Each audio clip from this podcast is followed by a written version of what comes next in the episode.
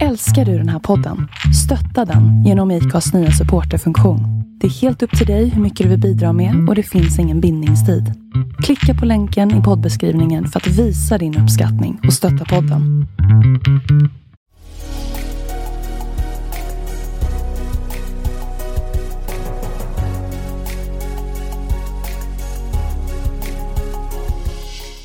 Välkomna till podden Vart är vi på väg? Med mig Jon Skoglund. Och med mig Jonathan Mellblom. I den här podden kommer vi intervjua framgångsrika sociala entreprenörer och experter inom ämnet socialt och impact entreprenörskap. Vi ger dig som lyssnare de bästa tipsen och den bästa inspirationen för hur man genom innovativa och entreprenöriella metoder kan hitta lösningar på samhällsutmaningar. Häng med!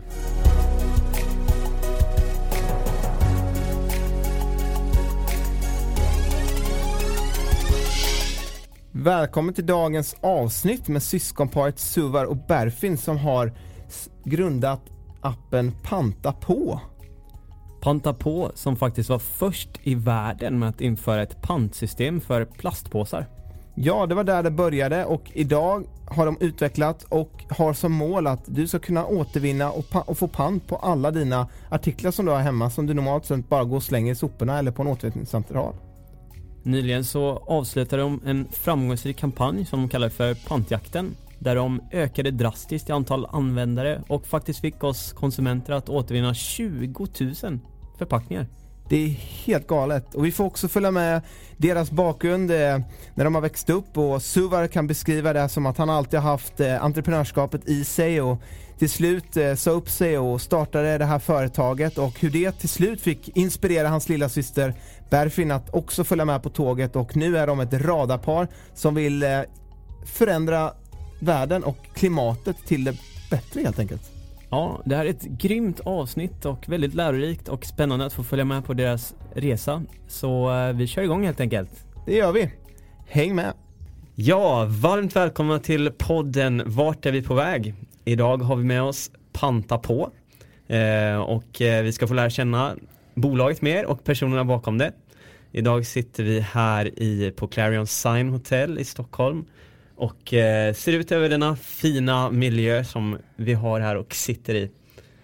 Yes, och med oss idag så har vi Suvar och Berfin. Kul att ha er här. Kul att vara här. Ja. Ja, vi synkade syskon. Ja, ja, vi har övat på det där. Idag har vi två gäster med oss, eh, det brukar vi inte ha, men väldigt kul att det fick bli så. Eh, ni är ju båda grundare av företaget Panta på. Eh, och vi ska få höra mer om det under podden, men eh, berätta om eh, eran dag hittills, vad har ni gjort idag då? Ja, för min del eh, så har jag gjort en massa, massa utbetalningar. eh, vi har haft pantjakten som startade förra veckan. Där konsumenterna kunde panta alla sina förpackningar. Så att eh, det har varit superbra så att nu gör vi de sista utbetalningarna. Ja men berätta om eh, den, vi kan ju gå in på den direkt lite kort bara. Vad har ni gjort för något? Jag har läst om det, att folk kunde panta egentligen allt de har och få pengar tillbaka. Ja precis. Exakt så. Eh, vi, vi tänkte att jo men Eh, vi, vi försöker ju få igång med varumärkesägarna att sätta igång och under tiden tänkte vi att ja, men, eh, vi vill se till att eh, konsumenterna kan redan nu gå ut och panta. Så att vi får också feedback eh, kring appen. Så att vad vi gjorde var förra veckan eh, att vi gjorde, skulle säga 90% av dagligvaruhandelns eh, konsumentförpackningar pantbara. Så att konsumenten kunde då eh, panta sina förpackningar vid närmaste återvinningsstation som man hittar i appen och då få en krona för varje förpackning. Eh, och man kunde då bara panta eh, samma förpa identiska förpackning en gång. Så även fast du skulle ha tre stycken så skulle du bara kunna panta en av dem. Eh, och ett maxbelopp på 25 kronor. Och det roliga var ju att vi, vi startade ju i onsdags förra veckan. Och eh, klockan 12 på dagen så tänkte jag att jo men klockan var 12.03 så sa jag till Bergfrid, jag, bara, men jag, ska gå ut och panta, jag, jag ska vara den första pantaren. Eh, så gick jag och skannade, gick hur smidigt som helst. Eh, tänkte, nu kommer jag tillbaka och jag är säkert först. Så, eh, så sa jag bara, men hur ligger jag till? Är, är jag först? Så hade det bara gått, då var klockan säkert 10 över eller någonting och vi hade redan då 500 skanningar. Oj, Oj. wow. Så att det var så här, vad fan, det var inte jag först. Nej, precis. Kul att många pantar, men jag ja, var men inte bra. först. Det var ju verkligen få igång en rörelse den dagen. Ja, direkt. oh ja, det var så här, folk stod verkligen och väntade på att, jo men 12.00 då ska vi scanna. Ja. Så att, nej, det var super. Kul, så ni har haft fullt upp att betala ut det här idag nu då? Eh, fullt ut och betala ut, eh, svara alla positiva feedback men också en del negativt eh, eh, på sociala medier. Men överösta av all positiv feedback. Alltså det, just när man är lite grann i sin bubbla om man säger så, där man kör på och kör på och ibland hamnar man i en svacka och tänker så här, ja, men kommer det här gå eller vad kan det vara för problem, vilka utmaningar. Men när man sen då får den här konsumentfeedbacken, alltså vi, vi kunde ju vara uppe 24 timmar om dygnet, det var inga problem efter den där feedbacken. Ja, verkligen. Ja, vad kul. Och hur har din dag sett ut då? Eh, vi försöker ju skala upp vårt tech-team just nu. Så jag har suttit och försökt intervjua folk och försöker med, få med folk på tåget. Och jag har ju ingen IT-kompetens så gissa hur det går. Nej men så jag får en känsla av personen som tar vår utvecklare rodret och tar nästkommande intervju. Just det. Ja. Jag tänker att det är en techboom i Sverige nu. Eller ja, väldigt mycket bo bolag här nu och man ser ju det att det finns mycket kapital och sådär. Jag kan tänka mig att det är hård konkurrens om de bästa. Ja, gud, alltså det, det är ju super att eh, bolag som Spotify, iSettle och de här eh, Men samtidigt så gör ju de här bolagen också väldigt svårt för oss startups. För vi ska ju konkurrera om samma utvecklare. Och eh, när man har en budget med massa pengar eh, som de här stora bolagen har, då kan de erbjuda nästan vad som helst. Sen så kommer vi startups. Men någonting som vi har som inte de har, det är just, eh, jag skulle säga, främst inom det här social impact. Det är vår affärsidé och affärsmodell. Eh, det, det spelar ingen roll hur mycket pengar de ger. Det finns det en mängd människor där ute som brinner för att göra gott. Och eh, det kan de inte konkurrera med. Vi har haft utvecklare som kommer till oss och säger, ja men jag har jobbat eh, kan alltid från varit kasino till vad som helst. Som att, ja men nu känner jag att jag vill göra någonting gott. Jag vill kunna säga att jag är stolt över det här när jag kommer hem. Mm. Eh, och där har vi en fördel. Där har vi absolut en fördel. Och det är skönt också att kunna attrahera de människorna som inte bara drivs av pengar. Mm. Och det är väl just det som eh, man ser nu i trenden med de som kommer ut på arbetsmarknaden nu. Att det, det är ju det man drivs av väldigt mycket kring Mm. att göra en djupare förändring. Inte bara pengar och eh, karriär utan att få göra ett bra avtryck i samhället. Verkligen. Kul, eh, men eh, vad roligt att höra och eh, om vi backar bandet lite då. Hur, hur växte ni upp? Ni är ju syskon så ni har ju säkert väldigt många minnen tillsammans. Eh, men vart, var, berätta, vart föddes ni och växte upp? Jag föddes i Stockholm, Soar föddes i Kurdistan. Eh, Så det är därifrån familjen är. Så vi är ju ursprungligen flyktingar från Kurdistan och mina föräldrar med fem barn kom väl hit på tidigt 80-tal. Ehm, ja, och så födde de tre till här i Sverige, så vi är åtta syskon. Oj, Ja. Och det är även så vi finansierat Panta på. Så alla får chippa in lite grann. det är så ja. Det är ju en Jajamän. positiv sida av det. Exakt. Ehm, nej men gud, hur har vår uppväxt varit? Ja, men jag skulle säga eh, Hur Alltså- gammal var du när, du när ni flyttade till Sverige då? Eller Eh, Jag, jag var ju sex månader när jag kom. Ja. Så att, eh, jag är inte född men mer eller mindre född. Mm. Eh, nej så att, eh, som Berfin sa så kom vi hit tidigt 80-tal och det såg ju lite annorlunda ut då när man kom hit som flykting. Eh, jag kommer inte ihåg men mina föräldrar har ju berättat. Och då var det så att min, eh, min pappa flydde Turkiet då eh, för han var politik, eh, politiskt aktivt. Så att han kom till Sverige eh, 82 någonting. Eh, och eh, då var det så att när han fick då uppehållstillstånd i, i Sverige eh, så var det så att familjen per automatik mer eller mindre fick också uppehållstillstånd. Så vad som hände var att bara att mamma kunde ta eh, alla barnen till svenska ambassaden om jag tror att det var i Istanbul eller Ankara. Eh, och eh, där fick då de hjälp av ambassadpersonalen, eh, följde med till flygplatsen, till flygplanen och bara känner er trygga nu, eran pappa väntar i, på er i Sverige, var inte oroliga, allting kommer bli bra. Följde med oss, eh, jag tror att vi eh, till och med fick en natt eller några nätter i Ankara som de stod för. Eh, Sen så kom vi till Sverige och självklart så mötte pappa upp oss där. Eh, så att det såg ju lite annorlunda ut än vad det gör idag. Mm. eh, med flyktingmottagandet. Mm. Så att, eh, hur blev familjen mottagen i Sverige då? Har det också varit skillnad mot hur man ser folk bli mottagna idag eller? Jag tänker att nu är det mer, det har kommit väldigt mycket med flyktingkrisen och allt som har varit. Eh, hur var det på den tiden kontra idag? Alltså det, nu minns inte jag så mycket, eller jag minns ingenting alls. Men eh, jag har inte fått det sådär jättemycket i detalj berättat heller. Men eh, det var ju ett annat typ av välkomnande. Jag tror också att eh, samhället i sig hade tid att hjälpa. Eh, de institutioner som fanns eh, hade tid. Eh, idag så känns, känner jag lite grann, eh, det man får läsa och höra är att Även fast det finns institutioner så finns det inte tid. Ingen vet vem som ska göra vad och människor bollas mellan institutioner. Så att på så sätt så tror jag att det är en stor skillnad. Mm. Och att människor kanske hade tid att anpassa sig också. Mm. Att det nya var lite exotiskt för det kom i så små mängder. Mm. Men att det nu kanske blir i en för hög takt för folk att kunna ta in. Just det. Sen var det ju också, jag menar, eh, pappa eh, studerade som lärare eh, i Kurdistan. Så att när vi väl kom till Sverige också, då var det väldigt så här att ni, alla ni ska plugga. Det är liksom, finns ingenting annat på kartan eh, sköta er i skolan eh, och ni ska alla plugga vidare.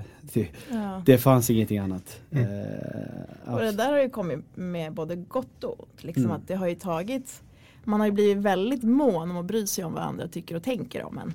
Så det har ju tagit en år att försöka få bort det också. Mm. Och kunna släppa det och kunna ja, acceptera den man är och våga vara sig själv lite mer.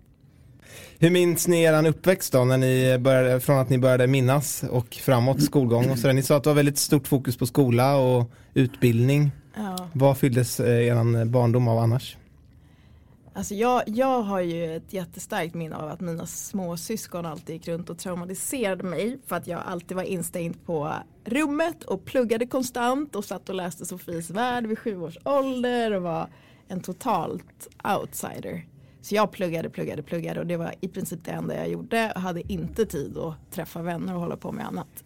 Jag hade inte tid att umgås med familjen knappt. Jag kommer ihåg att de satt och åt middag och jag satt in, instängd på rummet och läste något. Så jag var fucked up. och hur tog, eh, vad, vad, sa föräldrarna om det då? För det var ju ändå något, det är en sak om barnen sitter och gör något som inte kanske för en framåt i det traditionella om man tänker studier och sånt. Ja, nej men om, det här uppmuntrades ju ja. av mina föräldrar. Det var ju bara småsyskonen som hatade det. Men mina föräldrar kunde ju slappna av, de kunde ju fokusera på de andra barnen istället för dem och pusha dem till att plugga lite hårdare. Så jag slapp undan den stressen. Så det hjälpte till att få dem att känna lite dåligt samvete? Jajamän. ja, vad spännande. Och du då? Ja, men, jag minns väl, eh, alltså vi hade ju, när vi väl kom till Sverige så hade vi det inte så bra ställt. Eh, det var ju, jag menar först, i början så var det ju socialbidrag. Eh, och eh, åtta barn, eh, det, det är kämpigt. Och eh, när, när pappa fortfarande i början känner att jo men nu när jag har fått möjligheten att komma till Sverige då ska jag hjälpa människorna, eh, kurderna ännu mer och börja liksom vara ännu mer politiskt aktiv. Eh, och då det sätter ju press på familjen eh, ekonomiskt. Eh, och, eh, ja. Men, menar du det att just det här politiska engagemanget inte gav någon ekonomi då? Menar du? Precis. Att han gav väldigt mycket ideell tid för ja, det? precis. Uh, mycket, vi hade alltid människor hos oss alltid, eh, jag skulle säga nästan 5-6 dagar i veckan. Eh, politiker, politiskt aktiva som var hos oss, sov hos oss. Pappa var en av de få som hade körkort och bil då. Eh, så han fick köra dem fram och tillbaka på nätterna. Eh, och det var alltid så här att eh, mamma sa att nej men eh, nu har vi gäster så de måste äta först, sen får ni äta och liksom, ja, då får vi se vad som är kvar. Mm. så att så har det ju varit. Fram tills det att, nej, eh, vad kan det varit? Början 90-tal. Då mamma kände att nej, nu, nu får det vara nog. Eh, vi, vi kan liksom inte eh, engagera oss lika mycket i det som vi har gjort förut. Utan nu, nu liksom, vi måste ta tag i, i dels ekonomin men också framtiden för våra barn. På, ett, alltså på ett ekonomiskt plan. Inte i att de inte tog hand om oss, absolut inte. Eh, så att eh, tidig 90-tal var jag då, eh, 9-10 år gammal. Som, eh, då började mamma också jobba på heltid. Eh, och då var det inte åtta timmars jobb utan det var 14 timmars jobb. Eh, så att, och då var det så att Berfin, eller mina tre småsyskon, Berfin en av dem då. Eh, då var det jag som fick ta hand om dem mest. Eller det var ja, mer eller mindre jag. För att de som var äldre än mig, de hade ju sitt plugg och de hade gymnasium, universitet. Så de, deras skola var ju lite mer allvarlig än min skola. Så att ganska tidigt så fick jag ju ta ett eh, stort ansvar eh, i familjen. Innan dess kan man väl säga att min äldsta syster har tagit ett stort ansvar. Genom att när mamma har liksom tagit hand om eh, vad ska man säga, människor som kommer hem och behöver hjälp. Då har min syster eh, varit den som har tagit hand om oss och hjälpt även mamma. Eh, så att jag har väl varit, skulle jag säga, som en extra mamma eller ja. Bertil, du får ju säga om jag hittar på jo, någonting. Nej, men det stämmer. Det ehm, så att eh, så har det väl varit tidigt, att jag ganska tidigt känt ett stort ansvar. Eh, och så har det följt med mig eh, genom åren. Att ta ett ansvar. Hur har de här bitarna präglat och format dig då? Att få ta det här ansvaret i väldigt tidig ålder? Eh, jag skulle säga, jag menar då, där och då, klart det var jobbigt. Jag menar man hade ju tioåringar som gick ut och lekte och jag var tvungen att hämta barn eller syskonen från dagis eller vara hemma med dem och fixa maten eller värma maten i början. Sen efter några år så var det ju laga maten också. Sen var det ju samma mat eh, ganska ofta kanske. Jag kommer ihåg fortfarande spaghetti och köttfärssås var det ganska ofta. Jag har förträngt det. Bara ihåg fruktsalladen. så att eh, men utan allt det där, utan jag menar och vår tid, eh, hur allt har varit, skulle vi inte vara där vi är idag. Och jag är bara, det är bara bra. Alltså, mm. eh, jag skulle inte vilja ändra på det. Eh, jag, menar, jag minns än idag eh, att när jag gick i trean, då är man då tio eller någonting. Då klassen skulle åka på sån här eh, barn, inte barnen utan en i klassen hade landställe, då skulle vi åka dit, eh, hela klassen. Eh, jag tror att det var framåt våren, eh, sommaren där. Och då skulle alla betala 20 kronor för att vi skulle ta oss dit. Eh, och det kunde inte jag betala. För att jag hade lärt mig att mamma hade sagt att 20 kronor det är liksom Jag tror att kycklingen kostade då exakt. 10 kronor.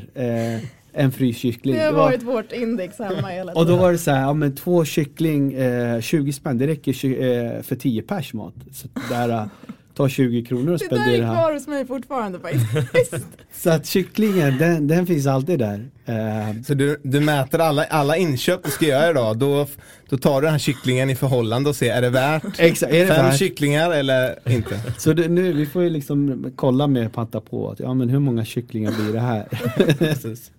Nej, så att uh, uh, det, var, det var klart, allt det där har ju präglat den. Helt klart. Ehm, men det var bara positivt. Jag har ingenting att, skulle jag säga, klaga om, om min barndom eh, på ett eller annat sätt. Absolut inte. Mm. Ja, spännande. Och för dig då som har varit eh, lilla syster då i alla fall i, i, av er två. Eh, mm. hur, hur, har det varit för dig att växa upp i, i Sverige? Och du är född här. Mm. Eh, du har inget annat att jämföra med. Eh, Nej, så, så, jag är född här men jag har ju varit i, eller vi var i Kurdistan varje sommar minst tre månader åt gången. Då, så att man har ju verkligen haft en fot i båda kulturerna. Eh, och jag tror det har präglat mig på ett mycket större plan än vad jag länge vågat erkänna för mig själv. Och det är nog först på senare tid faktiskt som jag har kommit att inse hur mycket det ändå satt spår att inte riktigt vara känna mig helt hundra eller helt hemma. Varken här eller i Kurdistan. Um, och också nyligen som jag insåg att allt det här som jag har försökt vifta bort med eh, när vi varit liksom hela familjen ute och rasistiska kommentarer man hört och som jag har viftat bort under hela min uppväxt som att nej, det var väl inte värsta grejen. Det, det har varit värsta grejen. Och det är ja, igen först på senare tid som jag lyckats liksom komma underfund med hur mycket det satt spår och, eh, och också därifrån kunnat jobba med det och luckra upp det. Hur, hur, har du insett på senare år att det har satt djupa, djupare spår än vad du, du såg tidigare? Mm. Ja, men det, jag skulle kunna göra reklam för Bara Vara. Känner ni till det? Nej. Nej. Äh, men jag skulle kunna snacka hela dagen om bara vara. Det är, eh, det är fyra dagar uppe i Falun där man i princip bara mediterar, eh, kör andningsövningar, eh, mycket fysisk aktivitet och ja, men skriver dagbok, ingen mobil, inga skärmar, inga, inga distraktioner. Och man är tyst väldigt mycket. Eh, så det var ett jätteeffektivt sätt för mig att komma underfund med vad som påverkat mig genom min barndom. Mm. Så ja, nej, alla borde gå bara vara. Ja, då får vi skriva ner det. ja, men det är viktigt det här att ta, ta tid för eftertanke. Absolut. Verkligen. Speciellt i ett sånt stressigt samhälle vi lever i idag. Mm. Eh, när man bor i, i, Stockholm eller i andra större städer. Vi är ju själva uppvuxna i en ganska liten stad eh, på östkusten i Småland och eh, det har väl eh, haft sina andra utmaningar kanske. Det kanske inte stressen har varit det, det, det, det största delen. kanske har varit att man känner sig eh, ganska instängd och kanske inte finns så mycket att göra eller så många möjligheter. Mm. Så det finns ju olika beroende på vart man, hur man växer upp. Ja, Vart i Stockholm är ni uppväxta någonstans? 165 Hässelby. Ja. Eh, Hässelby större delen i början. Eh, från sig 85, 86 någonting eh, i Tensta fram till början fram till 89 tror jag i Hässelby. Då föddes jag, det är därför jag säger Hässelby. Mm. Uh, så att större, och jag bor kvar i Hässelby. Uh, föräldrarna flyttade ut till Sollentuna men jag bor kvar i Hässelby. Med uh, mina syskon. de bor också kvar i Hässelby. Mm. Så vi bor väl promenadavstånd från varandra. Allihop i stort sett eller? Ja, den ena bor, eh, min ena bror, han bor under mig. Okej. Okay. så att, eh, men de två andra syskonen eh, bor eh, promenadavstånd. Ja men vad kul. Mm. Under er uppväxt, eh, vad är det för samhällsfrågor eller utmaningar som har engagerat er? För min del har det verkligen inte varit miljö och klimat som vi jobbar med nu. Utan för min del har det varit väldigt orienterat kring eh, människor, mänskliga rättigheter, vård, sjukvård. Och jag tror det har varit väldigt kopplat till ja, men vår bakgrund igen. Att det har varit väldigt eh, eh vi var ju liksom ute och demonstrerade rätt ofta för mänskliga rättigheter och Kurdistan och kurder. Och, eh, det var liksom ett människofokus hela tiden. Eh, och klimatfrågan, det var liksom sekundärt. Jag tror inte ens att den fanns. Um, och, och det har liksom funnits med mig i stort sett hela livet. Det är ju först efter att jag, eller i samband med att jag hakade på tåget med Panta på förra året. För då hade SOA redan startat nämligen. Eh, som, som jag började förstå riktigt allvaret kring eh, miljö och klimat och var vi står någonstans. Vad är det inom den frågan som, eh, som engagerar dig mest inom klimat? Alltså det är en ganska stor, man kan göra förbättra det på väldigt många sätt eller ja. försämra det på väldigt många sätt. Exakt. Vad är det som har, som har väckts inom dig? Ja, men alltså I stort liksom att vi utnyttjar och skadar naturens resurser på, liksom, i en helt ohållbar takt. Men, eh, men det jag brinner mer specifikt för just nu det är ju det här att kunna öka återvinningen på ett så radikalt sätt som, som jag tror att vi kan åstadkomma med vår lösning. Öka återvinningen och minska nedskräpningen. Mm. Ja, vad spännande. Vi ska få höra mer om det lite längre fram också kring er affärsidé. Och för dig? Jag kan bara hålla med Berfin eh, om eh, det som eh, har följt med mig hela min uppväxt och även än idag. Det är just det här eh, hjälpa andra och någonting som jag inte någonting som jag verkligen kan må dåligt av och kan göra mig riktigt förbannad, det är orättvisa. Uh, I alla dess former. Uh, men, uh, och sen också att eh, nu har det ju blivit, alltså tidigare, alltså säg 5, 6, 7, 8 år sedan, då var inte miljöfrågan så aktuell som den är idag. Ehm, och när jag startade bolaget 2015 med visionen att minska nedskräpningen och ju mer man läste på om det hela och blev bättre på det man gjorde, för det, det måste man bli. Man måste ju bli proffs på det man gör. Och då märker man ju hur saker och ting är kopplade på ett helt annat sätt. Och man får inte glömma bort, det spelar ju liksom ingen roll vad vi har för verksamhet. Eh, har vi inte en värld som vi kan leva i så är allt annat värt noll. Mm. Uh, och man kan inte man kan inte förneka det. Eh, det bara är så. Har vi, inte, har vi, har vi en värld där ute som vi inte kan leva i då, då finns det ingenting. Det är, ingenting är värt att leva för då. Ehm, och det är klart om man jobbar man kanske då inom social impact som vi gör då, då kanske vi blir påmind om det oftare eh, än om man jobbar eh, inom ett företag där man kanske till och med förstör miljön. Och då kanske till och med man eh, puttar bort alla sådana här frågor och tar inte tag i det utan eh, man märker av det först kanske när man ser det med sina ögon att jo men oj vänta nu när det gäller förpackningar till exempel att ja men våra förpackningar hamnar faktiskt i naturen eller eh, våra oljeutvinningar det skadar människor eh, eller vad det nu kan vara. Det finns ju massa saker där ute. Men jag tror ändå att vi människor har ju skapat de här problemen. Vi kommer kunna lösa dem också om vi bestämmer oss för att göra det. För har vi skapat det så kan vi också skapa lösningar till det. Mm. Men det är bara att eh, vi bestämmer oss för det. Men tyvärr, så, som allt annat så finns det också krafter som strävar mot ett annat håll. Men det är ingenting som vi behöver bry oss om. Eh, vi kör ju på.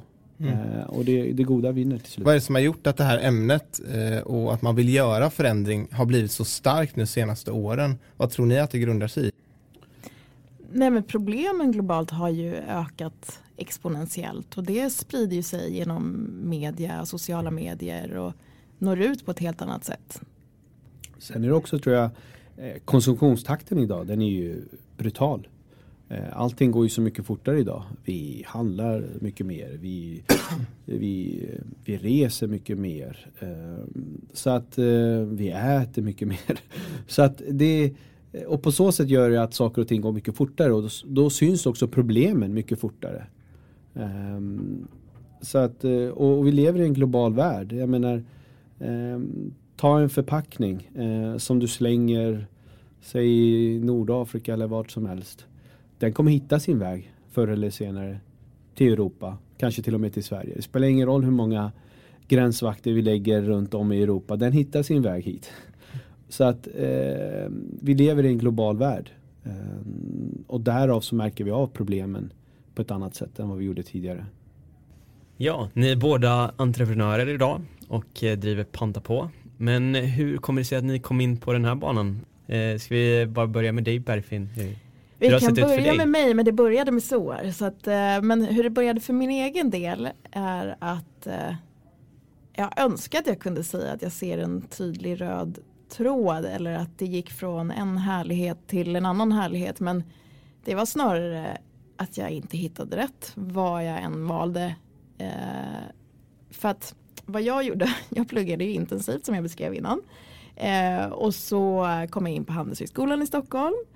Um, och kände hela vägen under de fem åren att det här är inte riktigt min grej. Men ändå hade jag blivit så hjärntvättad att jag tänkte att ja men, ja men då är det väl investment banking eller management consulting som jag ska göra. Men det liksom bara gnagde och jag fick liksom intervjuer i London, JP Morgan och Bain här i Stockholm. Arbetsgivare som ändå var väldigt eftertraktade hos, hos handelsstudenter. Och jag nekade dem i sista stund för jag bara kände så här det är någonting som skär så jag kan liksom inte. Um, så för mig har det bara varit, jag har inte hittat rätt. Um, och jobbat på Exportrådet, innovationsbyråer, även eh, som affärsutvecklare på vårt andra familjeföretag som mamma och pappa driver nu. Eh, och bara kände det här är liksom inte, jag hittar inte. Och, och sen hade jag den här idén om att jag ville jag ville på något sätt bidra till människor och eh, hade en idé om att utveckla ett förberedelseverktyg för, eh, för, eh, som man kunde använda i vårdcentralen inför läkarbesök för att göra de besöken mer effektiva. Eh, så då började jag utveckla den och kom in på en inkubator, SSCS. Eh, och via den vägen kom jag in på, eller började jobba på Handelshögskolans affärsinkubator, SSI SSC Business Lab. Där jag skulle driva den här idén då, parallellt med att jag jobbade där. Ehm, och där började jag liksom, där blev det ju lite snett att jag började jobba mer än vad jag utvecklade idén. Att jobbet tog över. Um, och jag kände under hela den tiden att så här, det, jag älskar att vara med alla de här kreativa, superhärliga människorna. Men jag vill ju driva någonting själv. Um, och där någonstans började ju SOAR köra parallellt, panta på. Um, och drev det. Och han hade ju varit inne i de här tankarna i så många år. Och det kändes som att han liksom inte släppte det. Eh, så det kändes som på riktigt. Och då vågade jag ansluta mig förra året för jag är ju lite mer riskaversiv än vad brorsan är. Eh, så han, han gav mig den säkerheten som jag behövde ehm, i att vi kan köra det här ihop. Och han hade liksom initierat det, validerat att det fanns ett behov i att han hade fått mm. in första kunden. Så att jag var ju fegisen i det här. Och han gav mig precis den tryggheten jag kände att jag behövde för att våga hoppa på tåget. Mm. Så det var snarare Suars eh, övertygelse och tro på idén som gjorde Exakt. att du liksom valde att haka på tåget? Exakt. Och att jag eh, faktiskt, det måste jag vara ärlig och erkänna, mer än, för igen, då var jag inte helt inne på på att rädda världens liksom, klimat eller lösa klimatkrisen. Utan för mig var det att jag gick igång på innovationen, på den tekniska lösningen och tyckte den var så himla banbrytande. Så det var så jag kom in på Panta på och på den vägen kom jag in på okay, men hur stort är det här problemet och, och där var bland annat dokumentären Al Gores dokumentär En obekväm sanning var väldigt ögonöppnande. Eh, så, så det intresset har liksom väckts det senaste året skulle jag säga. Mm. Spännande. Och för dig Suar, hur eh, kom du in på entreprenörskapstankarna? Och har du pluggat någonting och hur har resan sett ut fram till idag?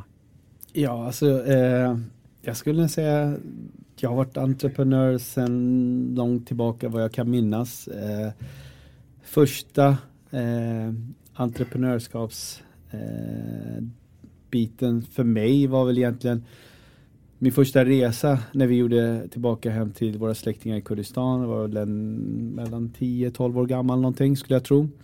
Eh, återigen till ekonomin då. då eh, jag menar, som barn vill man ju ha godis. Eh, men tyvärr så finns det ju återigen inte bara pengar för att gå och handla godis. För det, liksom, det finns Måste inte. ha kyckling också. Ja, exakt.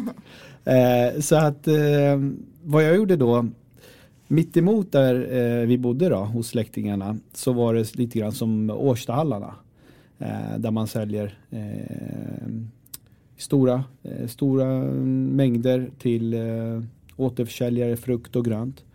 Eh, och jag menar Kurdistan 40 grader varmt så tänkte jag men jag går ju dit och säljer vatten. Eh, så jag gick dit och sålde vatten och fick pengar för att köpa godis.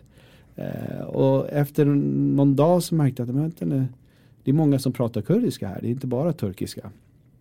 Så då började jag ropa ut på kurdiska att eh, jag säljer vatten, jag säljer vatten. Eh, och då fick jag ju självklart mer betalt. Just för att det var många som tyckte, ah, men eh, kommer en kurdisk pojke och säljer vatten, klart vi ska köpa vatten. Så att eh, det är den första gången som jag kan minnas tillbaka till liksom, där jag eh, entreprenörsandan kom till. Kan ni se att den finns i, från föräldrarna på något sätt?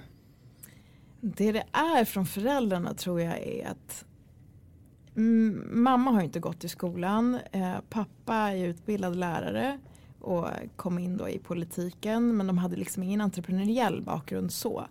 Men jag har alltid resonerat som att bara att flytta till Sverige med fem barn och bygga upp allting här från scratch det för mig är liksom den yttersta formen av entreprenörskap. Så att, att våga ta den risken, det tror jag har präglat oss mycket. Hur har det sett ut? Har ni drivit några andra projekt, eh, dels tillsammans eller enskilt och hur har det gått i så fall? Alltså för min del, som sagt, jag har alltid haft eh, saker att göra. eh, därför brukar jag säga att ja, men eh, du har nog någon diagnos eller någonting. Det du sitter ju aldrig still. Eh, så att jag har alltid hållit igång på ett eller annat sätt. Jag har parallellt, eh, eller när jag, när jag pluggade på KTH ehm, så var och anledningen egentligen till att jag gick på KTH var det så här att jo, men jag måste plugga vidare. Syskonen innan mig har pluggat vidare. Jag ville bli läkare, jag kom inte in på läkarlinjen. Uh, så vad ska jag göra? Jag kan ju inte vara det svarta fåret liksom. Alla innan har ju pluggat med Eh, så att eh, då kom jag in på KTH så det var bara att sätta igång och plugga där. Så att, Vad gick du för något eh, på KTH? Eh, farkostteknik eh, med inriktning ljud och vibrationer.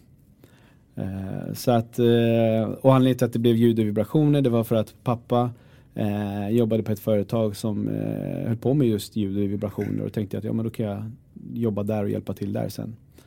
Eh, så under tiden jag pluggade så hade min pappa taxibolag så jag körde taxi samtidigt. Eh, när det var klart så började jag jobba och då kände mamma och pappa att ja men du och din bror ni, ni slösar era pengar liksom. Det, det går inte, så får ni inte göra.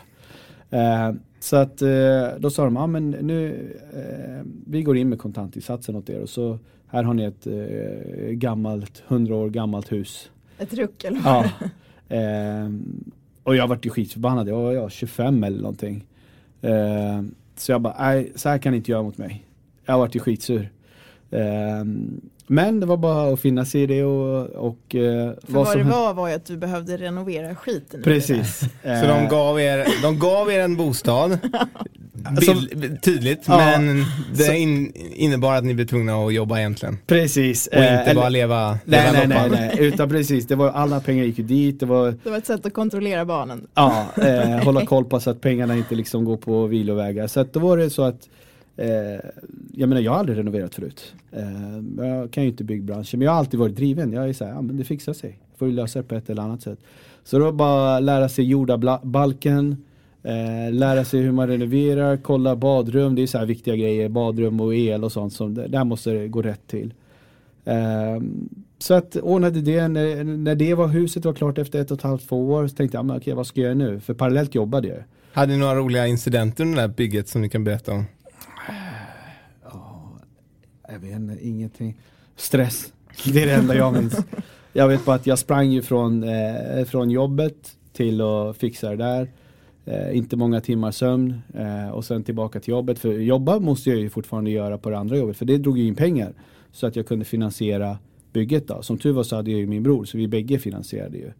Eh, men som sagt, det var bara att lära sig allt. Så tack, eh, tack till Youtube liksom.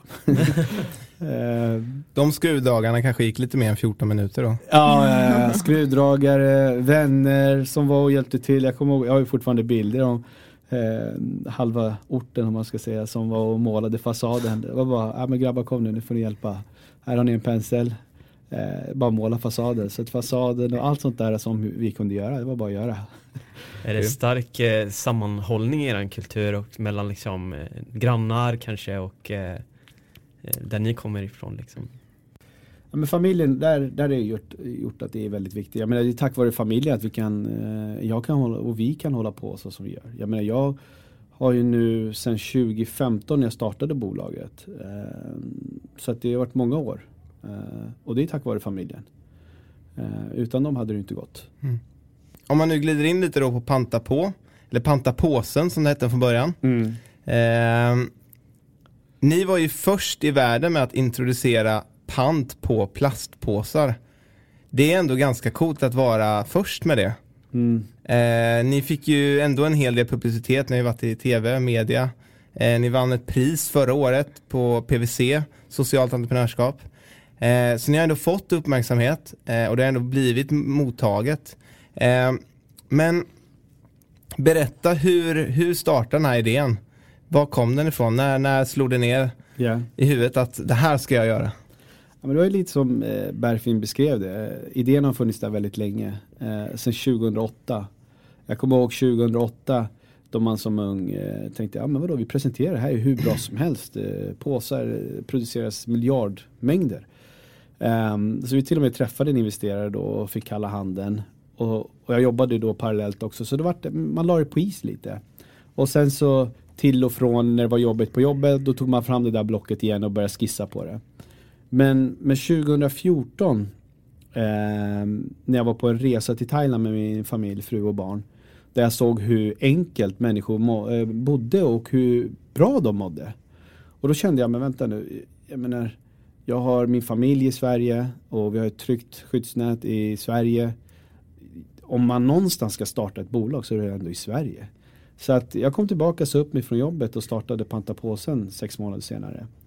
Och idén var ju helt enkelt att eh, eller den kom ju till i att jag hade en tygkasse som jag alltid glömde.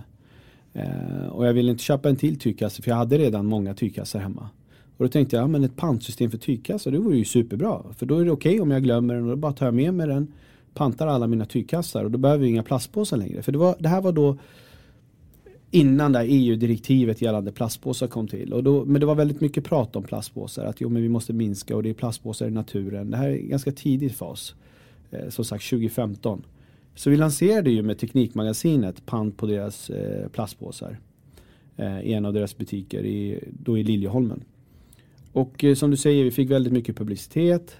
Eh, men då var det ju som sagt plastpåsar. För vi märkte ju tidigt att jo, men tygkassar, jag märkte att det går inte. För det är krav på eh, att den ska vara liksom miljövänlig, var är den tillverkad, vem har tillverkat den och så vidare. Så då märkte jag att nej det här går ju inte. Så jag ändrade ju ganska tidigt där att uh, gå över till plastpåsar. Hur, eh, och du upptäckte det genom att du faktiskt testade med tygpåsar först eller insåg du det innan? Nej, jag, jag gick ut till kunder ganska tidigt. Uh, säg att jag uh, sa upp mig från jobbet uh, sommaren 2014 redan 6-7 månader efter det så gick jag ut till kund och presenterade ett kit med, eh, vad ska man säga, presentera, ja, tygkassar. Eh, pant på tygkassar. Det skulle liksom vara en cool accessoar som man ville associeras med. Eh, men det gick inte hem. Mm. Skulle du säga att det är en viktig grej just att komma ut snabbt på marknaden och testa idén innan man bygger den för mycket i kammaren? Ja, det skulle jag säga. Eh, men jag vill även lägga till det här att Eh, gå ut och testa när den är tillräckligt bra för att du ska få tillräckligt med bra feedback. Så att det inte blir en, hur ska jag säga bara för att du ska få en, ett bra exempel. Ja, men tänk att du, du håller på och bygger en bil.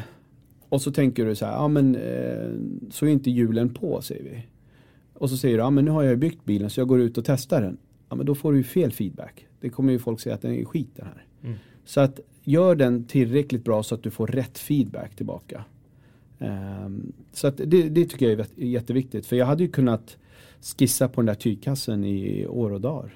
Mm. Men det hade inte gått hem. Så att eh, träffade butiker tidigt och de sa att jo men pant är bra men tygkassan nej. Eh, men då, då gick jag ju tillbaka, skissa och tänkte ja, men hur kan jag lösa det på bästa sätt. Då tänkte jag, ja, men vänta nu, du, deras tyg, eh, plastpåsar, då behöver de inga behöver inte jag producera några plastpåsar eller kassar till dem överhuvudtaget.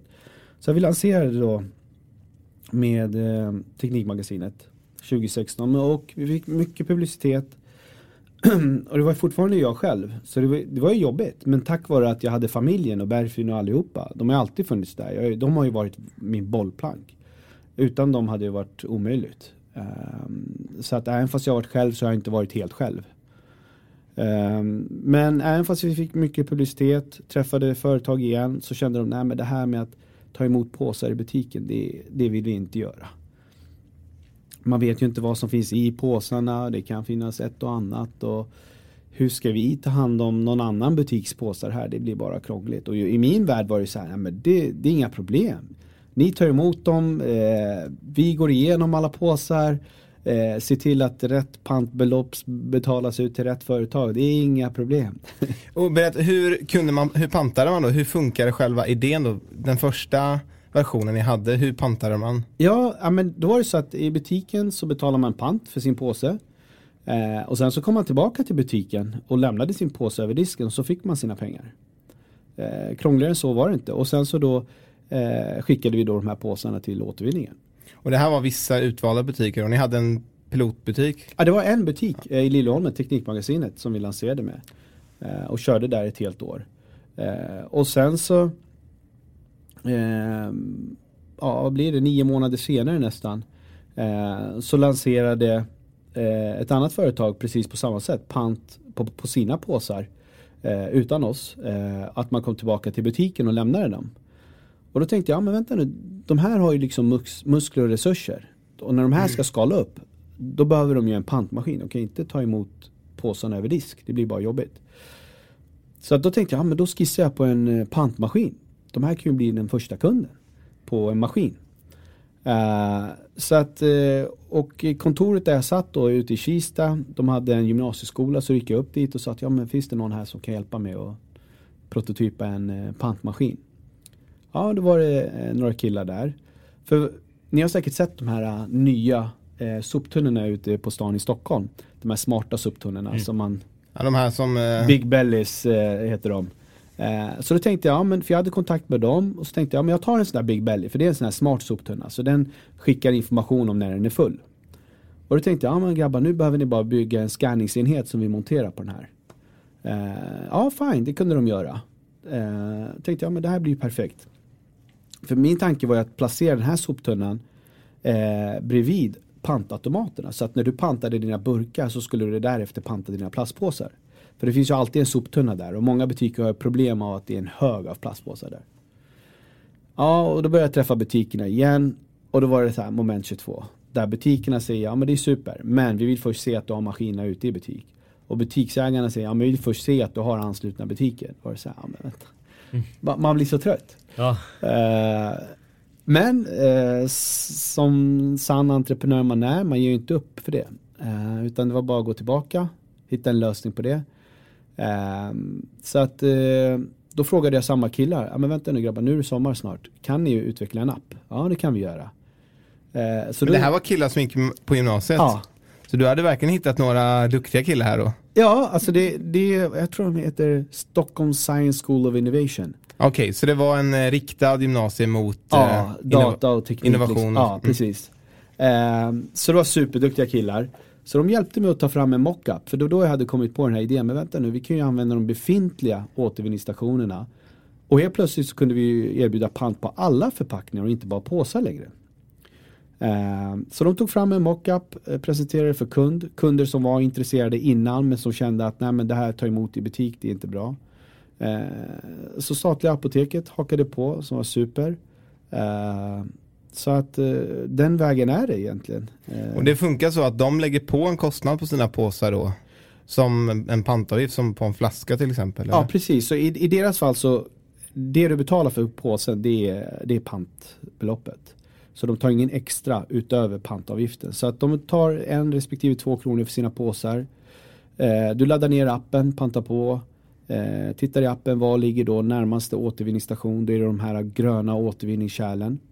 Eh, och det är först när du kommer dit som då skanningsfunktionen i appen kommer igång. Precis, för annars kan man ju sitta hemma och mm. låtsas slänga och vara miljövänlig. Exakt, så att skanningsfunktionen kommer inte igång förrän du är på rätt plats. Just det. Så då har vi pinpointat de här återvinningsstationer återvinningsstationerna som finns eh, utspridda i hela landet. När du väl är där så kommer skanningsfunktionen igång och då skannar du streckkoden som finns på påsen och så får du då dina pantpengar i, i appen. Så utvecklingen har egentligen gått ifrån att du lämnar en plastpåse över disk väldigt manuellt till butiksbeträdet eh, och får pengar till att du idag kan gå till vilken återvinningsstation som helst, egentligen som är då ansluten till er. Men jag har sett i appen att det finns väldigt många, speciellt här i Stockholm. Eh, och du helt enkelt skannar, slänger den och får pengar. Precis. Så du har verkligen gått ifrån det manuella första steget till att nu faktiskt utveckla det digitaliserat det på ett mm. sätt kan man säga. Ja, och på väldigt kort tid också. Ja det går ju fort. Ja. Eh, jag brukar ju säga till, eh, eller när jag och Berfin pratar om att eh, i början var det ju det att affärsmodellen ändrades nästan efter varje möte. Mm. Mm. Man får ju liksom nya tips och idéer och nya frågor som måste besvaras. Så att lösningen gör ju nu att, jag menar till sommar så, så har vi en lansering i USA. Och det gör ju att över dagen så kan vi pinpointa nya platser på en helt annan marknad vart som helst i världen hur går ni tillväga när ni tar nya marknader eller nya områden? Om man säger, ni börjar i Stockholm då förstår jag. Vart finns det mer i Sverige idag? Så de här återvinningsstationerna vars GPS-koordinater vi pinpointar i vår app, de behöver inte på något sätt vara anslutna till Panta på. Utan eh, vi hittar bara GPS-koordinaterna till den återvinningsinfrastruktur som redan finns. Så i Sverige har vi då pinpointat alla de här gröna containrarna som man kan se lite överallt. Eh, men vi har också pinpointat ett 10-15-tal andra marknaders infrastruktur. Eh, för många länder har nämligen offentlig data på, på var de har sina stationer utplacerade. Så det här är digital information ni kan snappa upp ganska Exakt. enkelt då? Exakt, vilket gör lösningen så extremt skalbar. Mm. Just det. Hur går det till när man är där vid återvinningsstationen och ska skanna sin produkt? Är det bara, tar man en bild på eller hur går det till? Du tar bara upp mobilen, öppnar Panta på-appen eh, så kommer skannen upp och då använder du skannen för att skanna streckkoden som mm. finns på mm. varje förpackning. Um, och då får du pantvärdet i mobilen och pantvärdet kan vara antingen pengar eller kuponger. Um, Berätta lite om den skillnaden för jag har läst på lite att vissa företag har ju valt då att man får erbjudanden istället för pengar och vissa då får du pengar av. Hur funkar det och vad är skillnaden? Mm. Eh, så apoteket då, som Soar beskrev, de har valt att sätta ett pantvärde i form av pengar. Eh, vilket innebär då att konsumenten när den skannar streckkoden på sin påse vid återvinningsstationen får tillbaka en eller två kronor beroende på storleken då, på påsen. Eh, men för att den lösningen ska fungera så behöver man ha unika koder på sina förpackningar. För att säkerställa att en konsument inte står och skannar en och samma förpackning 15 gånger och tjänar en massa pengar. Um, och unika koder är många varumärkesägare som känner det lite komplext att implementera. Um, vilket gör att man vill behålla den koden som man redan har. Uh, och då är det ju liksom samma kod på alla mjölkförpackningar, samma kod på alla yoghurtförpackningar. Uh, så de är inte unika. Uh, och då blir det svårt att ge pengar. Eh, istället så väljer varumärkesägarna att sätta ett pantvärde i form av poäng som kan användas då i utbyte mot kuponger och en kupong kan vara du får 15% rabatt på ditt nästa köp av den här produkten. Um, för då gör det ingenting om en konsument pantar eller skannar en förpackning flera gånger. Uh, för dels så är fuskbenägenheten mycket mindre om du får kuponger och inte pengar.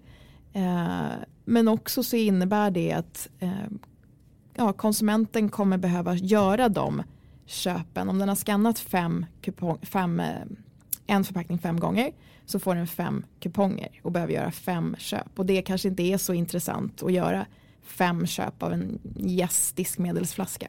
Soar hade ju extrema problem att få in eh, hållbarhetsinitiativ alltså hos de här varumärkesägarna innan, innan innan det här, den här affärsmodellen kom in i bilden.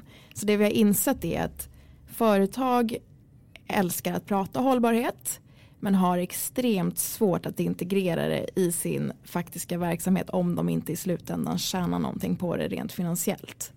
Eh, så att där känner vi att vi har hittat den modellen som gör att de faktiskt också kan tjäna förutom ett brand equity och eh, hållbarhetsaspekten i det här så kan de även tjäna på att, eh, på att lägga upp kuponger. Det blir som deras lojalitetsprogram. Hur mäter ni eran, eh, era nyckeltal? Eh, vi har ju pratat med andra gäster här och eh, inom just det här med socialt entreprenörskap och, och gör de här nya idéerna som kommer så snackar man ju mer om att göra en, en samhällsnytta än en kortsiktig ekonomisk avkastning till aktieägare. Mm. Hur kan ni mäta eran framgång om man säger, om man nu bortser från, för det är viktigt för er att göra lönsamhet också för att kunna växa och skala och så vidare. Mm. Men om ni ser på den samhällspåverkan och klimatpåverkan som ni kan bidra med, hur har ni hittat några möjliga nyckeltal eller sätt att mäta framgången eller är det fortfarande för tidigt att ta fram sådana? Vi kan ju bara utgå ifrån den kampanjen vi har haft nu den senaste veckan och vilka nyckeltal vi har kollat på där. Och det är ju framförallt hur många förpackningar har återvunnits. Eh, så det är ju den allra största och viktigaste KPIn. Eh, men också vad motsvarar det i sparad eh, koldioxid. Så för att nu när en konsument pantar, det kan ju vara värt att tillägga, så får den inte bara poäng eller pengar utan den får också se hur mycket den har sparat i koldioxid genom att återvinna den här förpackningen och vad det motsvarar i eh, säg bilsträckor eller eh, tända glödlampor så att de får en konkret bild av eh, på vilket sätt de har bidragit till miljön. Som jag går till min eh, återvinningsstation här där jag bor i min bostadsrätt Eh, nu har ju vi en egen, då antar jag att det kanske inte är kopplat till ert system då. Inte i dagsläget, inte i dagsläget, men inom alldeles kort så ska det fungera. Då ska du kunna pinpointa din egen adress som en ah. återvinningsstation. För det var det jag tänkte på. Men säg att jag går till en vanlig station som ni har i er app. Kan jag då scanna alla varor? Eh, vi säger att det är tio mjölkpaket och vad det nu är. De, med förutsättning att det finns en streckkod då. För om det bara är en plastförpackning om det är så överdragsplast eller något så antar jag att det inte är mm. skanningbart då, men eh, och sen efter det då, då läggs allt det ihop. Man kan se dels om det är pengar i någonting av det eller om det är erbjudanden. Men jag kan också se hur mycket jag sparar i koldioxidutsläpp och, och allt det här då. Så yes. jag kan egentligen följa min egen klimatresa då. Mm. Och det är ju ett värde för användaren i sig att förstå hur mycket man faktiskt sparar. Ja men det är lite grann, alltså vi, som sagt vi lever lite grann i vår bubbla när man är, jobbar eh, som entreprenör. Men eh, det vi märker nu är att, jag menar, folk hörde av sig till oss eh, och säger att jo men eh, efter pantjakten kan jag inte fortsätta att skanna mina förpackningar för jag vill ju se mina miljöavtryck. Så att vad vi har gjort nu är att eh, konsumenten kan fortsätta skanna sina, även fast pantjakten är pausad nu. Så kan du fortsätta skanna dina förpackningar och se dina miljöavtryck. Det är ju någonting fantastiskt som har kommit ut också av denna pantjakten. Då. Mm. Ja. Hur många användare har ni nått under den här äh, kampanjen? Så vi har ökat exponentiellt. Allt ifrån att i början ha 50 nya användare om dagen till 150 upp till nu senast var det 450-500 användare, nya användare om dagen. Och ni har kört den med avslut idag eller var det igår? Eh, vad är det för dag idag? Tänkte det är fredag idag? Ja, i onsdags. I onsdags. Ja. Så en vecka körde vi. Ja. Eh, och eh, vi, vi vart eh, överväldigande av resultatet. Det var super, super kul. Ja, alltså vi har fått kommentarer som eh, någon skrev det här ger en hopp om livet. Någon annan skrev det här är århundradets bästa app. Så att, eh, det har varit riktigt, riktigt, Kul. riktigt roligt. Verkligen. Har ni fått någon medial uppmärksamhet hittills på den här kampanjen? Nej. Nej, vi har inte gjort några pressmeddelanden eller något Nej, ingenting. Vi, vi var ju oroliga i, i början för att vad vi gjorde nu med den här kampjakten, eller pantjakten var ju att eh, vi gick ut med pantbeloppet. Så vi, vi såg det som en marknadsföring så vi var oroliga i början. Ja, men, jag menar, vi måste sätta ett tak, eh, vi måste se vilka utmaningar och problem som uppstår. Eh, så innan vi gör några pressrelease och sådana här saker så bör vi hålla det lite lågt. För som sagt, bara mm, 12.05 efter att vi lanserade så var det 500 skanningar. Det är helt sjukt. Ja, alltså det... Nej men alltså jag, eh, jag kanske inte borde säga det här, men jag gick ner, gömde mig under skrivbordet i en ren naturlig stressinstinkt. Alltså det var det sjukaste jag någonsin varit Var ni oroliga för att systemen skulle krascha och? Ja men allt möjligt. Ja alltså man blir ju lite nojig för att det är så här, det är vi fick så många användare och innan när vi har kört så har det varit bara tuffat på liksom eh, tiotal användare om dagen. Vi har inte marknadsfört det alls. Till det att nu få 50 och upp till 450-500 användare om dagen. Det var ju liksom, och då har vi inte ens marknadsfört det. Det var folk som ringde in och visserligen var det ju positiv feedback så det var ju kul att folk ringde in och bara ah, men nu har jag pantat här med min treåriga dotter och tyckte det var så roligt. Och, men att liksom ha tid att svara på allt det var vi inte alls beredda på. Så vi var ju faktiskt tvungna att pausa den här kampanjen då. Ja, hur länge skulle den hållit på annars då? Ja, vi, vi sa ju upp till 50 eh, 000 förpackningar men vi stoppade på 20 000 förpackningar och kommer men det är ändå fantastiskt 20 000 på en vecka. Ja, ja, och ingen marknadsföring. Nej, alltså det då har, ni, då har ni verkligen lyckats med den här word of mouth taktiken, att det verkligen sprids. Mm. Oh ja, oh ja. Alltså det, det är det här som gör att det är så roligt det vi gör. Uh, vi, för alla har ju förpackningar. Alla är ju på ett eller annat sätt våra uh, användare. Uh, även fast man riktar och säger att jo men det här är liksom våran core, uh, ska man säga, appanvändare. Uh, säg de yngre eller vad som. Men ändå så alla kan ju faktiskt ladda ner den här appen och använda den.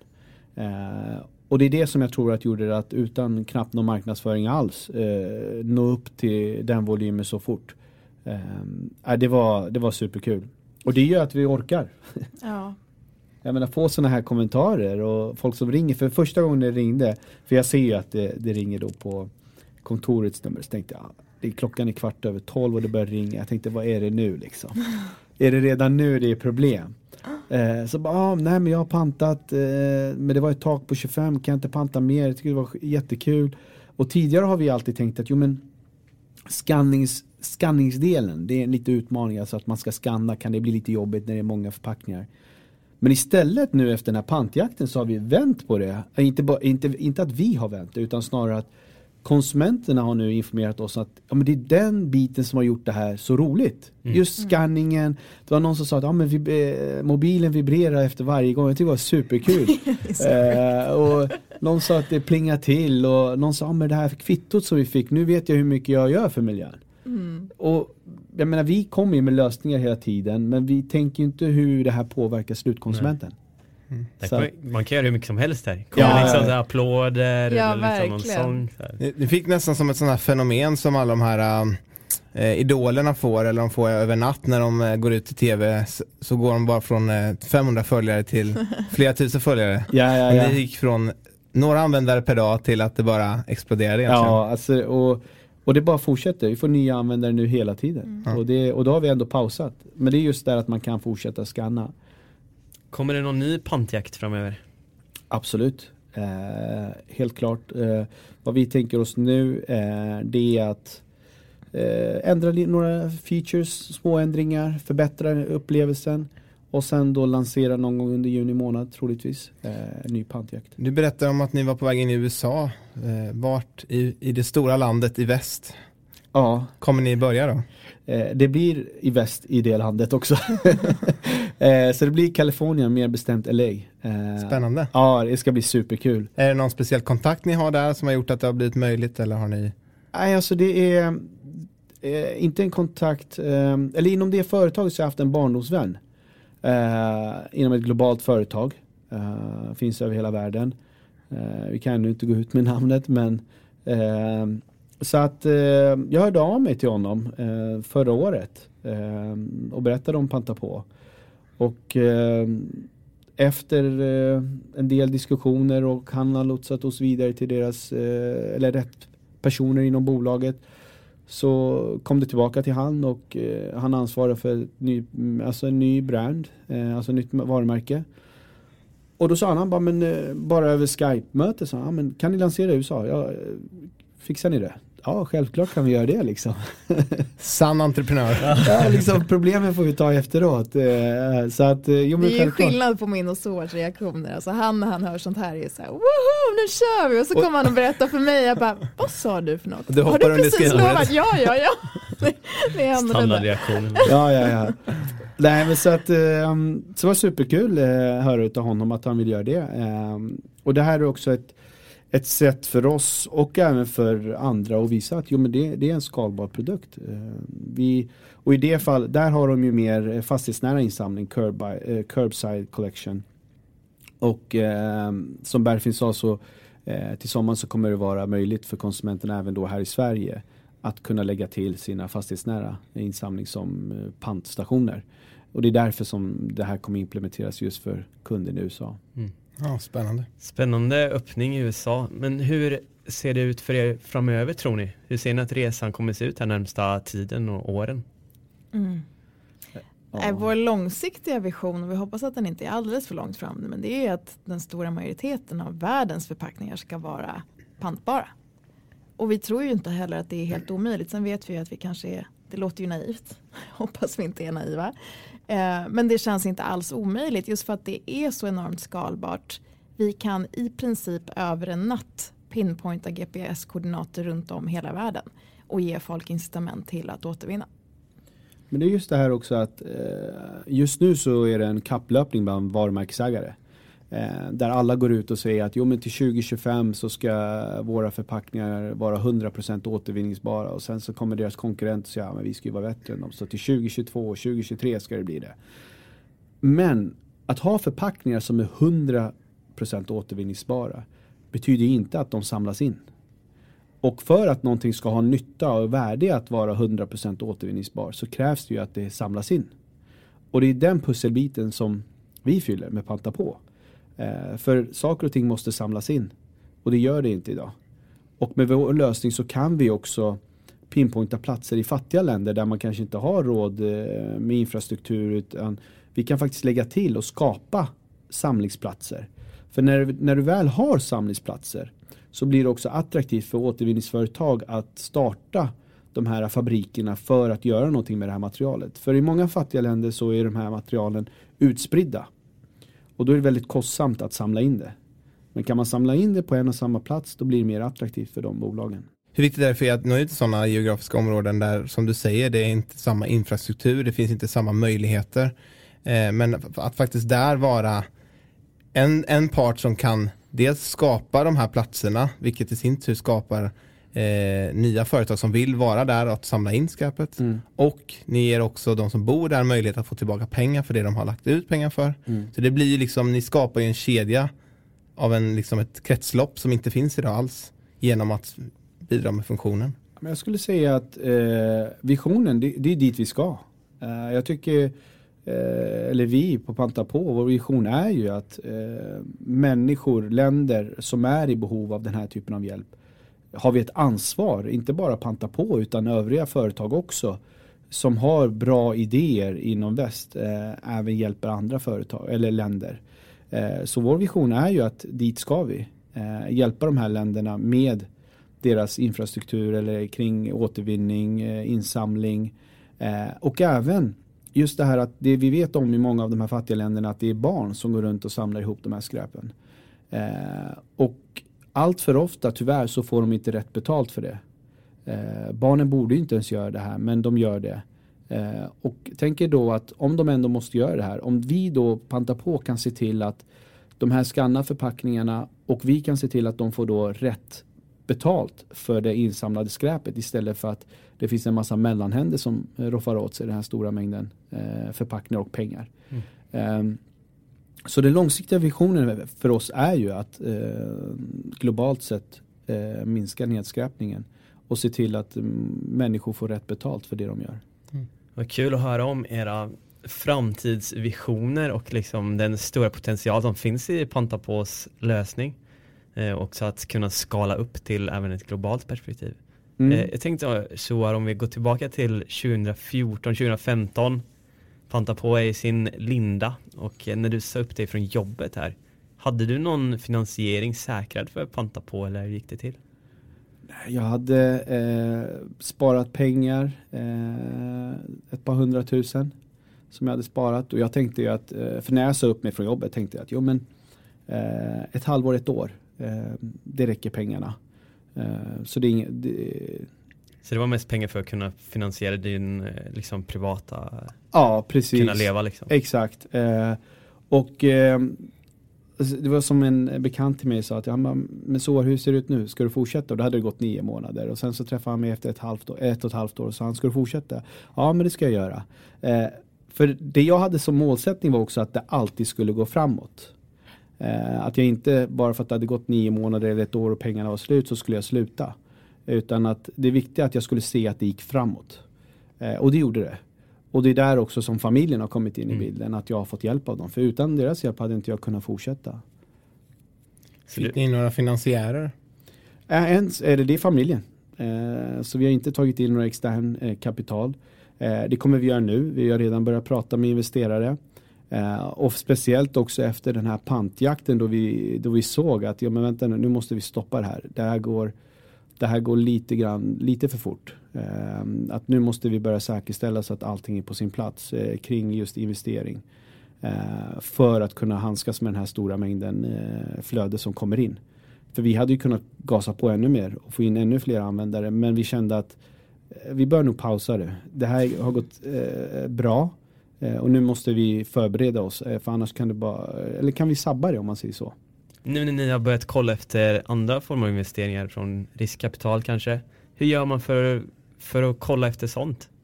Mailar man folk eller kollar man i sitt nätverk? Liksom? Alltså det är väl, man gör väl allt vad man kan göra. Eh, jag tror att man bör börja i den änden att visa att din produkt funkar. Eh, det är bra. Sen beror det ju lite grann också på vad det är för typ av kapital du söker. Du söker affärsänglar, men du räcker ibland med bara en skiss, eh, en affärsidé. Det räcker ju. Eh, men det är klart, beroende på hur mycket kapital du söker eh, och sen självklart också vad du har för bakgrund. Jag menar, har du startat fem bolag eller två bolag eller någonting innan och du har visat att du liksom har sålt dem för en halv miljard eller vad som så kan du till och med få pengar redan på en skiss även där. Men i, i vårt fall så har det varit väldigt mycket just att bevisa ehm, Eh, att för först trodde vi att jo, men vi, nu har vi visat kundsidan, vi har fått in avtalen. Ehm, det borde ju räcka. Nej, det gjorde det inte. Utan eh, investerarna ville ju se även att det funkar, att konsumenten faktiskt pantar. Ehm, och det har vi också visat nu. Ehm, så att eh, visa att din produkt verkligen används. i bästa möjliga mån. Och det är därför just det här att det är bra att kunna gå ut väldigt tidigt och verifiera. Och verifiera om det inte funkar, ändra bara. Eh, för löser du ett problem, hitta bara en väg och förbättra den bara. För det, de här lösningarna behövs. Men hur, sen, hur, hittar man investerare för den som eh, sitter hemma och vill eh, ha en idé men man vet inte hur man ska nå ut till dem? Är det bara googla eller? Ja, jag skulle säga googla. Googla och se vad de har investerat i förut. Investerar de i den typen av företag som du har? Eh, kan vara en bra liksom, riktlinje. Eh, men eh, där är det också en sån här sak att gå ut och träffa dem. Eh, för du kommer lära dig. För om du hela tiden gör, vill förbättra det och göra det ännu bättre eh, och då har du spenderat väldigt lång tid på det eh, och sen så tänker du att ja, men nu behöver jag pengar om tre månader. Och så går du ut och träffar dem och så får du liksom information om någonting som du tänkte inte alls på. Mm. Då har du förlorat en massa tid och, och, så kanske inte du har pengar kvar att hålla ut. Eh, så att även där, gå ut och träffa en investerare. Vad söker de? Vad begär de? Vad vill de ha? Eh, och då får du också mer information på att ja men vänta nu jag kanske ska göra det här. För det var samma sak för oss. Eh, vi gick och träffade i början för ett halvår sedan. Eh, fick information. Ja men det här, det här behövs. Ja, nu tänkte vi ja, men det, de har ju rätt i det faktiskt. Eh, då börjar man jobba mer på det och sen så träffar man igen. Eh, får lite mer information. Så det är bara trial and error även där.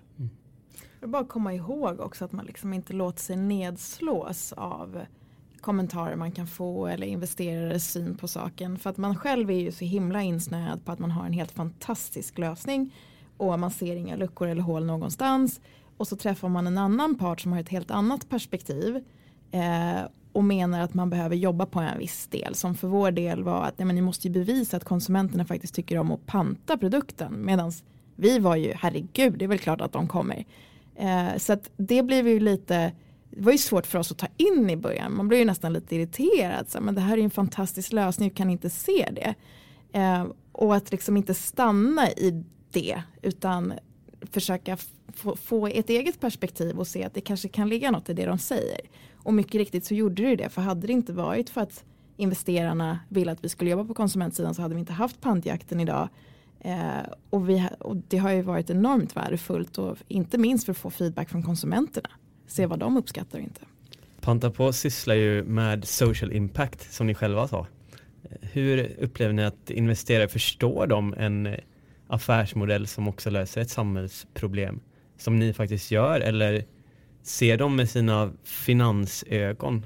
Jag skulle säga att det är klart fler och fler företag börjar ju se eh, alltså det är ju siffror självklart eh, men de som tittar på siffror tittar ju också på, ja men finns det siffror och även då social impact eller impact eh, på något sätt eh, för en bättre värld så är det ännu mer värdefullt, absolut. Men i slutändan så är det ju siffror. Eh, jag menar, du kan inte eh, överleva bara genom att få externt kapital utan du måste stå på dina egna ben också. Så att eh, det finns många bra människor där ute men det är fortfarande så att du måste ha en affärsmodell som gör att du kan stå på egna ben men att du behöver kanske en skjuts nu. I det här med att jobba med samhällsförändring som ni gör, vad är det som driver er i det? Är det liksom mer den långsiktiga förändringen som faktiskt gör att ni vill jobba med den här idén? Eller var det mer att det råkade bli så av den idén ni fick? Och sen har ni blivit mer engagerade. Jag vet att du var inne på det lite mer innan Berfin. Eh, att du faktiskt såg idén och hur bra den var innan du kanske insåg vad den faktiskt löste. Mm, hur, hur, var det för dig? Um, ja, det, var, det var inte så att jag tänkte uh, när jag startade bolaget uh, Alltså idén fick jag ju av att uh, jag hade för många bärkassar, uh, tygkassar. Och jag hade ju en tygkasse för att jag inte ville ha plastpåsar. För det var, det var ju, det visst, så mycket visste jag att ja, men det är inte bra för miljön att bara spendera en massa pengar på plastpåsar. Um, så att uh, jag hade ju någonstans den här, vad ska man säga, kunskapen om att uh, vi kan inte konsumera som vi gör. Men sen när man då eh, börjar läsa mer uh, om problemet, utmaningarna, hur saker och ting är sammankopplade. Ehm, så vart det ju mer och mer ehm, att man ville förändra. Eh, och när man då får den här positiva feedbacken från människor. Eh, jag menar jag har ju gjort en massa saker innan. Men när man har en produkt som påverkar så många människor och när man får den här feedbacken, det är ovärderligt. Det, det går inte, som sagt den här boosten vi har fått den kan vi leva på hur länge som helst nu. Mm. Uh, och den är ovärderlig. Ja, men på, det, på det sättet är det extremt tacksamt att jobba med någonting som är samhällsförändrande för att man har så himla många som sluter sig bakom en och vill, vill hjälpa en. Så att vi har ju folk som hör av sig, ringer, mejlar och hur kan vi hjälpa till, alltså helt ideellt. Eh, som liksom skickar oss massa klipp på när de pantar och ber oss använda det om vi, om vi skulle vilja ha det i marknadsföringssyfte för vi har ju inte de resurserna och tillverka sånt material själva. Så att eh, Nej, men folk är extremt hjälpsamma och det ger oss en, de, de är våra största, största cheerleaders. Så det har man inte när man, när man inte jobbar med någonting som har en positiv samhällsverkan på samma sätt. Väldigt spännande att se hur det här, um, med eran idé och flera andra verkligen skapar en folkrörelse. Ja, det är det som är Mot ett positivt håll. Ja. Eh, låga priser och stora köpcenter har ju historiskt sett eh, skapat en folkrörelse av konsumtion och en hets. Men det här är en, det här är en folkrörelse åt helt andra hållet. Mm. Att faktiskt eh, ta vara på miljön och det är inget fel att handla men att man kan faktiskt göra det med lite eftertanke. Mm, exakt. Eh, och kompensera för det så mycket man kan genom att återvinna. Precis, precis. Jag menar, eh, vi måste mer och mer se eh, vad vi gör med den värld vi lever i. Eh, för gör vi inte det, det är inte människornas fel heller. Jag menar, eh, ser du inte vad den här mobilen eller bilen som du använder, hur den har tillverkats, om du inte vet om det, eh, om du inte ser och blir påmind om det, så är det väldigt svårt att ta till sig att jo men den här mobilen, eh, batteriet kanske tillverkas av barnarbetare eller you name it. Ser du inte det här och blir inte påmind om det så blir det väldigt, väldigt svårt för människor att ta till sig det. Och vi måste bli mer och mer påminda för att jag tror att i grund och botten så är vi människor goda. Det, det är jag övertygad om. Mm. Hur ser ni världen om tio år? Mm. Jag tror att det är förändringen som pågår just nu, den är oundviklig. Uh, världen kommer se bättre ut. Men det förutsätter också att vi gör en förändring. Vi kan inte bara tro att det ska ske av sig självt. Uh, det behövs bolag som tar ansvar inte bara inom social impact men även bolag som tar i överlag inom sin verksamhet ansvar och också är med och hjälper till och bidrar till de här företagen som är inom social impact och hjälper till där med vad de nu kan vara eh, som de kan göra. För att eh, alla kan göra något tillsammans. Det kan vara litet, kan vara stort, behöver inte jämföras, men alla kan göra något. Tror ni att bolag som har en eh, affärsmodell som eh, social impact, eh, som jobbar med social impact. Kommer de att kunna konkurrera ut mer traditionella stora industribolag kanske? Det är ju vår förhoppning. Jag tror ju någonstans, ibland kan man få en känsla av att vi är i en kris just nu. Så mycket som man får höra i nyheterna och ja, med vem man än pratar med. Och inte minst att det påverkar en på ett annat sätt nu också. Bara liksom i somras vilka eh, vilka bränder man hade och hur varmt det var och man börjar se liksom okej okay, det, det, är på riktigt nu. Eh, och jag tror att de här kriserna om man nu ska kalla det här för en kris jag tror det absolut nödvändigt för att åstadkomma förändring. För att det är först då som folk förstår allvaret och folk blir medvetna. Så jag tror verkligen att eh, ja, men all förändring föregås av en kris och om vi nu är i en kris så tror jag att vi om tio år kommer vara på en mycket bättre plats. För jag tror folk kommer ha förstått och börjar redan förstå. Det har varit väldigt spännande att höra på eh, Panta på här idag eh, och er resa. Vi tänkte gå in på lite avslutningar eh, och några snabba frågor som vi brukar köra med alla våra gäster. Eh, vilka är era bästa tips till en social entreprenör? Alltså jag skulle väl säga eh, Tänk på saker som du kan tänka på, som du vet om och vet om innan. Du kommer inte veta allt, du kommer inte kunna ha svar på allt. Och det du inte har svar på, skitsamma, kör bara. Det, det ordnar sig. På ett eller annat sätt så ordnar det sig. Eh, vi har ett bra skyddsnät i Sverige. Mm. Eh, utnyttja det. Eh, det. det. kommer inte bli bättre. Eh, det finns ingenstans där det är bättre. Så att utnyttja det. Och eh, I Sverige har vi en bra eh, kultur kring företagande.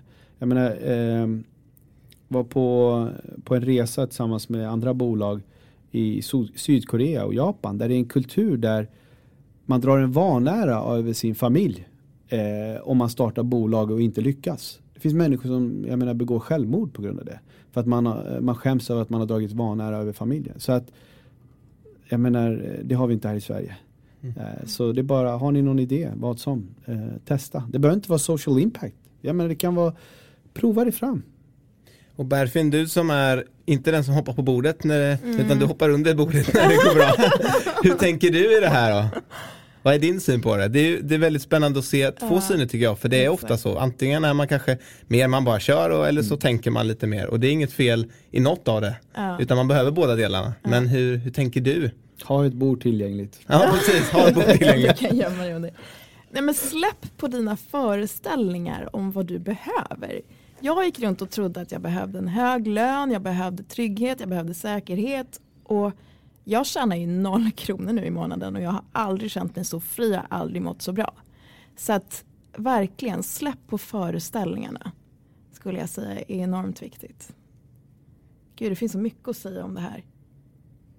Ja. men jag tycker det är ett bra tips. Jag tror mm. att det där är ett av de viktigaste tipsen. Mm. För jag tror att väldigt många tänker så. Hur ska jag finansiera? Hur ska jag få säkerheten att gå ihop? Ja, man tänker liksom, men tänk om det skiter sig. Men det är väl klart som fan att det kan skita sig, men vad är det som inte kan skita sig? Och det allra största misslyckandet är ju att fortsätta på ett jobb, ett välavlönat jobb eh, och gå dit dag in dag ut, leva superinrutat om du nu tycker det och vara miserabel och fortsätta det spåret. Det finns väl inget större misslyckande än det. Så att våga starta någonting och det skiter sig, vad, är, vad, vad betyder ens det att det skiter sig? Så länge du har kul längs med resans gång och känner att det är värt värt den tid du lägger ner. Tack så mycket. Ett socialt företag som ni tror på förutom Panta på då?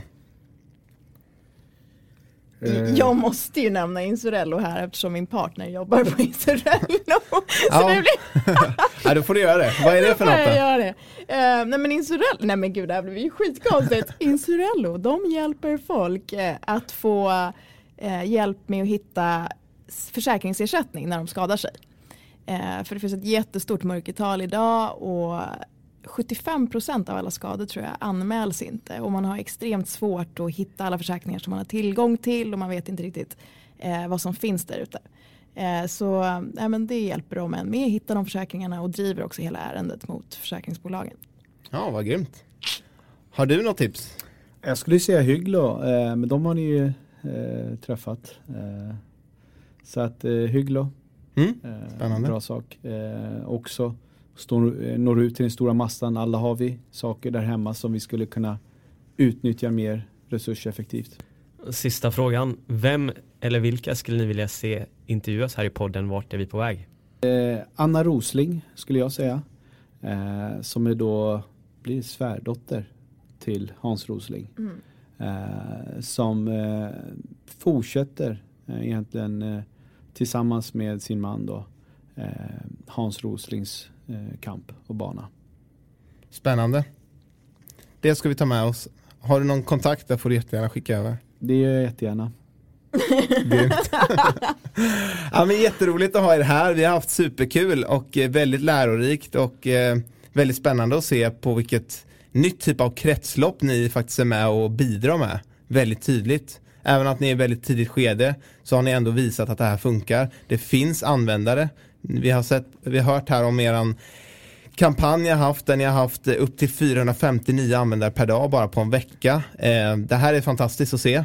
Eh, och vi önskar er all lycka framåt eh, och vi tror och hoppas på att Sverige och länder där ute ska bli bättre på att återvinna. Samtidigt som de gör en bra sak för naturen så gör de en bra sak för sin egen plånbok. Eh, tack så mycket. Tack själva. Tack så mycket. Supergrym podd. Tack så mycket för att du har lyssnat på dagens avsnitt. Glöm inte bort att följ oss i sociala medier. Vi finns på Facebook, Instagram och LinkedIn och även vår hemsida vartarvipåvag.org. Och om du har möjlighet så får du jättegärna gå in och ratea våran podd på iTunes. Yes, och för dig som vill ta del av podden ytterligare så tycker jag att du ska gå in och signa upp dig för vårt nyhetsbrev där du varje vecka får En liten kort resumé av avsnittet men också de bästa tipsen och de bästa insikterna från gästen som vi har haft med oss. Eh, så om du har varit ute på språng och inte haft möjlighet att anteckna något så gör det ingenting utan du får det på ett mail veckovis. En riktigt bra deal helt enkelt. Så se till att signa upp dig så fort som möjligt så ses vi nästa vecka igen.